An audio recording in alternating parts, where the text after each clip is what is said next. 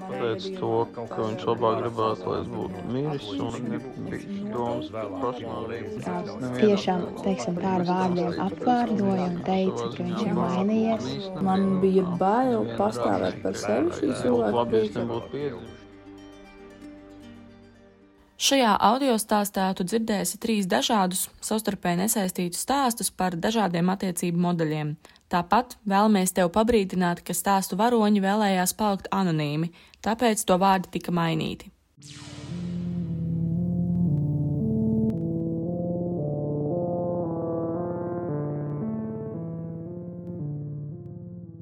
Kad es pamazām sāku iepazīt Kārli, man uzreiz šķita, ka viņš vienmēr kaut ko atstāja neatklātu.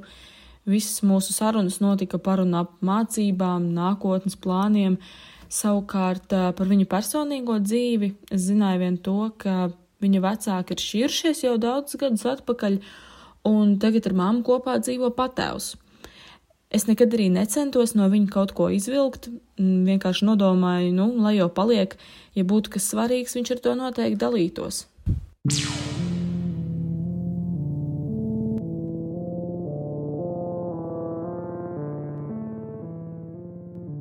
2010. gadā. Tas bija gads, kad ā, māma iepazinās patēvu. Tad mēs tā kā māma dzīvojam divatā, un tad viss likās, ka nu, ir kārtībā. Tad viņš arī dāvināja man dāvanas, un kā bija diezgan labas attiecības. Jo es savu tēvu īsti tā nerunāju, un tad ā, viņš mums tā kā radīja to priekšstatu, ka varbūt mēs varētu būt labi draugi. Un, un ā, laikam ejot, ā, viņš sāka dzīvot kopā ar mums un sāk parādīties, kā nepatika pret mani. Kamēr Kārlis nepārvācās dzīvot pie Omes, viņam regulāri no patēva puses nācās dzirdēt ne tos patīkamākos vārdus un frāzes, ne to, ko mēs sagaidām no mīlošiem vecākiem. Vienu reizi sēdēju pie datora, es biju 6. vai 7. klasē, un manā māsa atnāca pajautāja, vai es varu viņai ieliet ūdens. Pateicu, nu jā, tu līdzi pagaidi nedaudz, un uh, nedaudz vēlāk ieskrēju viņš istabā, un uh, sāk man pārmest to, ka es nevaru ieliet māsai ūdeni. Un kas tāds par esmu, ka viņš labāk gribētu, lai es nebūtu dzīves, un, ja viņš varētu, viņš būtu man piekāvis. Un, uh, tas jau tā bija diezgan tas ļoti man ietekmēs, kā arī man skolā tajā laikā apsmēja. un Tas viss tā kā nāca vienā laikā. Par kaut kādiem sīkumiem viņš parasti ļoti strikti pārmet. Un vienmēr arī bija tas, ka, ja es kaut ko nepareizi izdarīju vai dabūju sliktu atzīmi skolā, tad man vienmēr apsmēja un teica, ka es iešu uz internātu skolu un neko dzīvē nesniegšu. Katrs šādā situācijā meklētu savu risinājumu, un arī Kārlim tāds bija. Jā, man ir bijušas domas par pašnāvību, kā arī kā uz brīdi kā sevi ievainot, lai tiktu projām no tā brīža situācijas un būt projām vismaz tā kā slimnīcā pagulēt, jo citas iespējas man nebija. Bet katrai situācijai mūsu dzīvē ir sava gaišā puse, un tāda bija arī Kāļa gadījumā. Savā ziņā tas man nostiprināja pārliecinātību, kā arī kā palīdzēja būt spēcīgākam emocionāli un mācīt sev aizstāvēt. Tik daudz ko vairāk var izturēt. Ar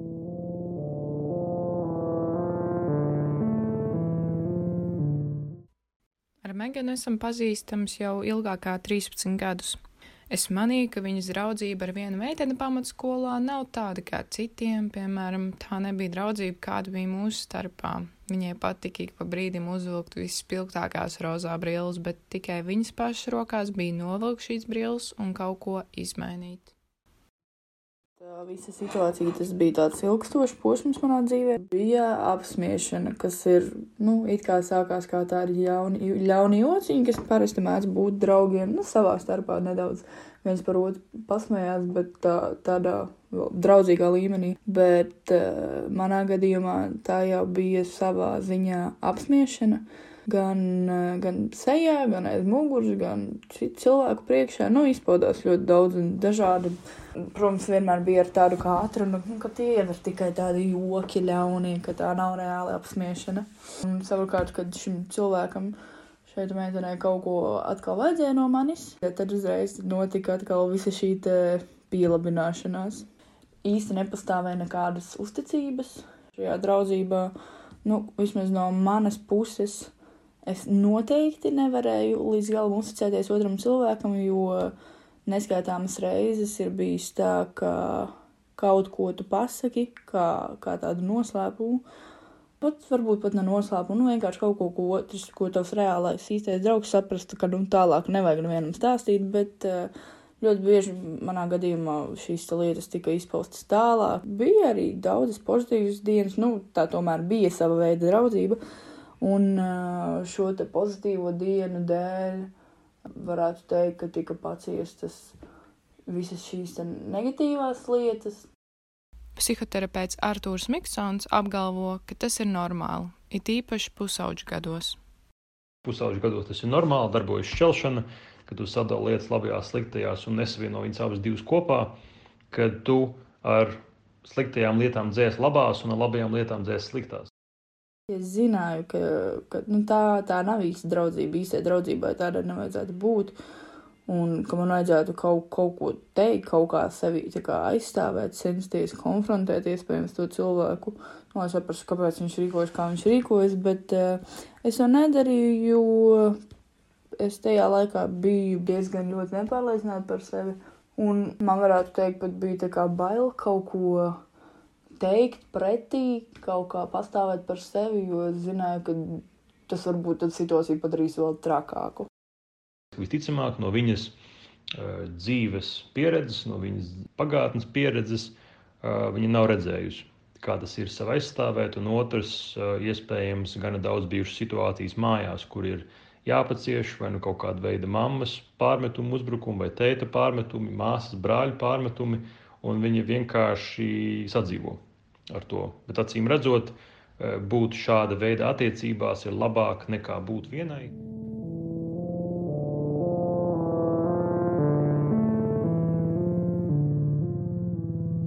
Emīliju es pazīstu neilgu laiku, taču mēs ļoti ātri atradām kopīgu valodu un kļuvām par draudzenēm.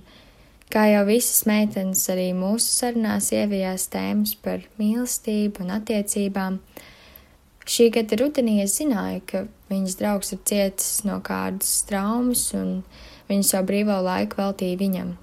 Taču pēc pāris mēnešiem Emīlija dalījās ar patieso stāstu par to, kādas bija viņas attiecības ar šo puisi.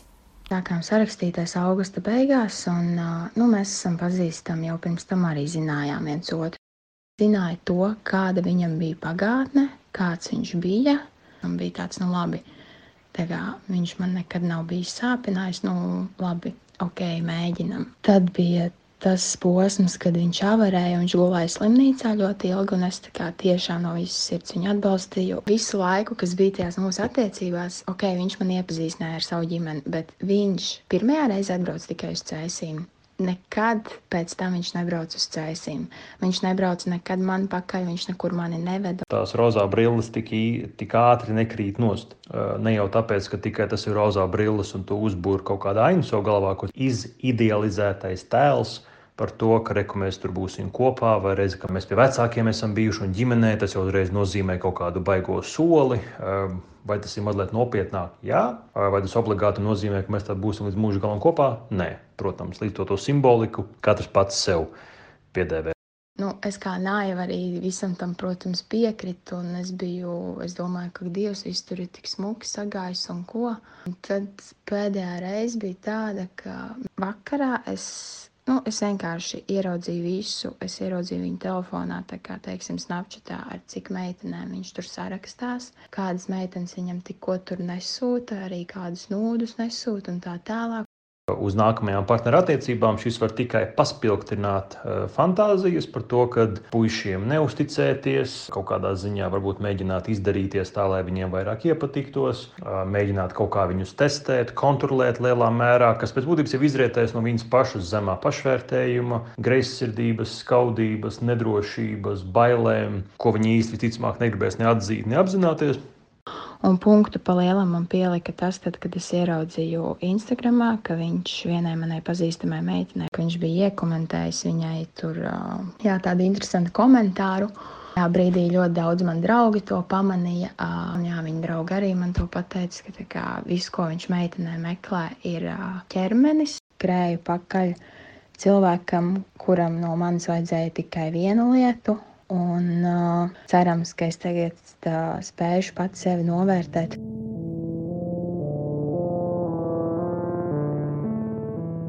Psihoterapeits Arthurs Miksons atklāja savu profesionālo viedokli par tēmu nelabvēlīgas attiecības. Viņš uzsver, ka ļoti svarīgi ir tās atpazīt un no tām censties izvairīties. Numur viens ir jābūt kaut cik augstai pašvērtībai. Ja viņa ir zemāka, tad tu nespēsi atzīt, ka tiek pārkāptas tavs robežas. Piemēram, kāds tevi kaut kā pazumo, kaut ko norāda, aizrāda, eh, liek tev kaut ko darīt, ierobežo tevi, un tu pats nejūti, ka tas patiesībā notiek. Attiecīgi, ja tu nejūti, ka tas notiek, tu pat neredzi, ka tev vajadzētu kaut kā par to iebilst, kaut ko minēt, teikt vai pat rīkoties, lai to darītu. Bet, attiecīgi, ja tu pamani, tad šī gadījumā vai nu tev ir vismaz jāsaprot, ka tev tas nepatīk. Ja tu saproti, ka tev tas nepatīk, tad vēlams būtu otru informēt par to, cerībā, ka varbūt vienkārši pasakot, kaut kas mainīsies. Ja tu saki, un tas nemainās joprojām, tad attiecīgi tev ir jāpieņem lēmums, vai tu vēlēsies šādu veidu attiecības uzturēt ar cilvēku vai nē.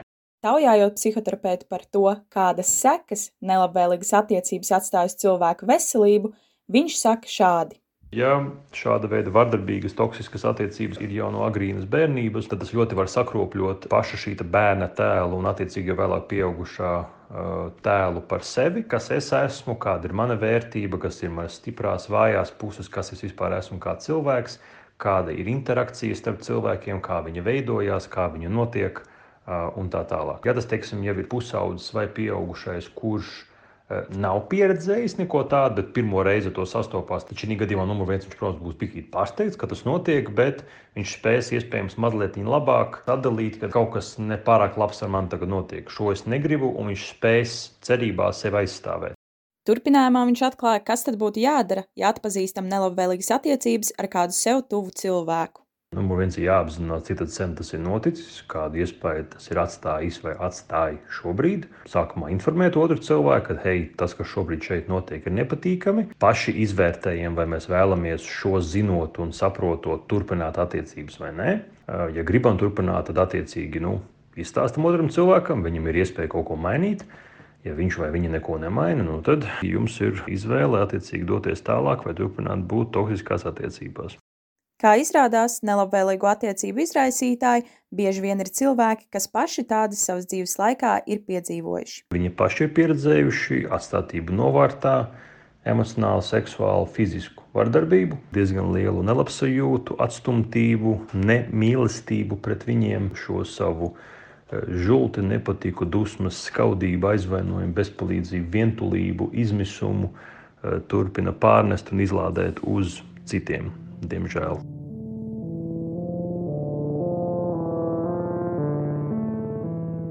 Šo audio stāstu veidoja Rīgas Stradiņa Universitātes žurnālistikas programmas studentes Agnese Dimdiņa, Patricija Lielnora, Elizabete Ruplāne un Nikola Grīnvalde.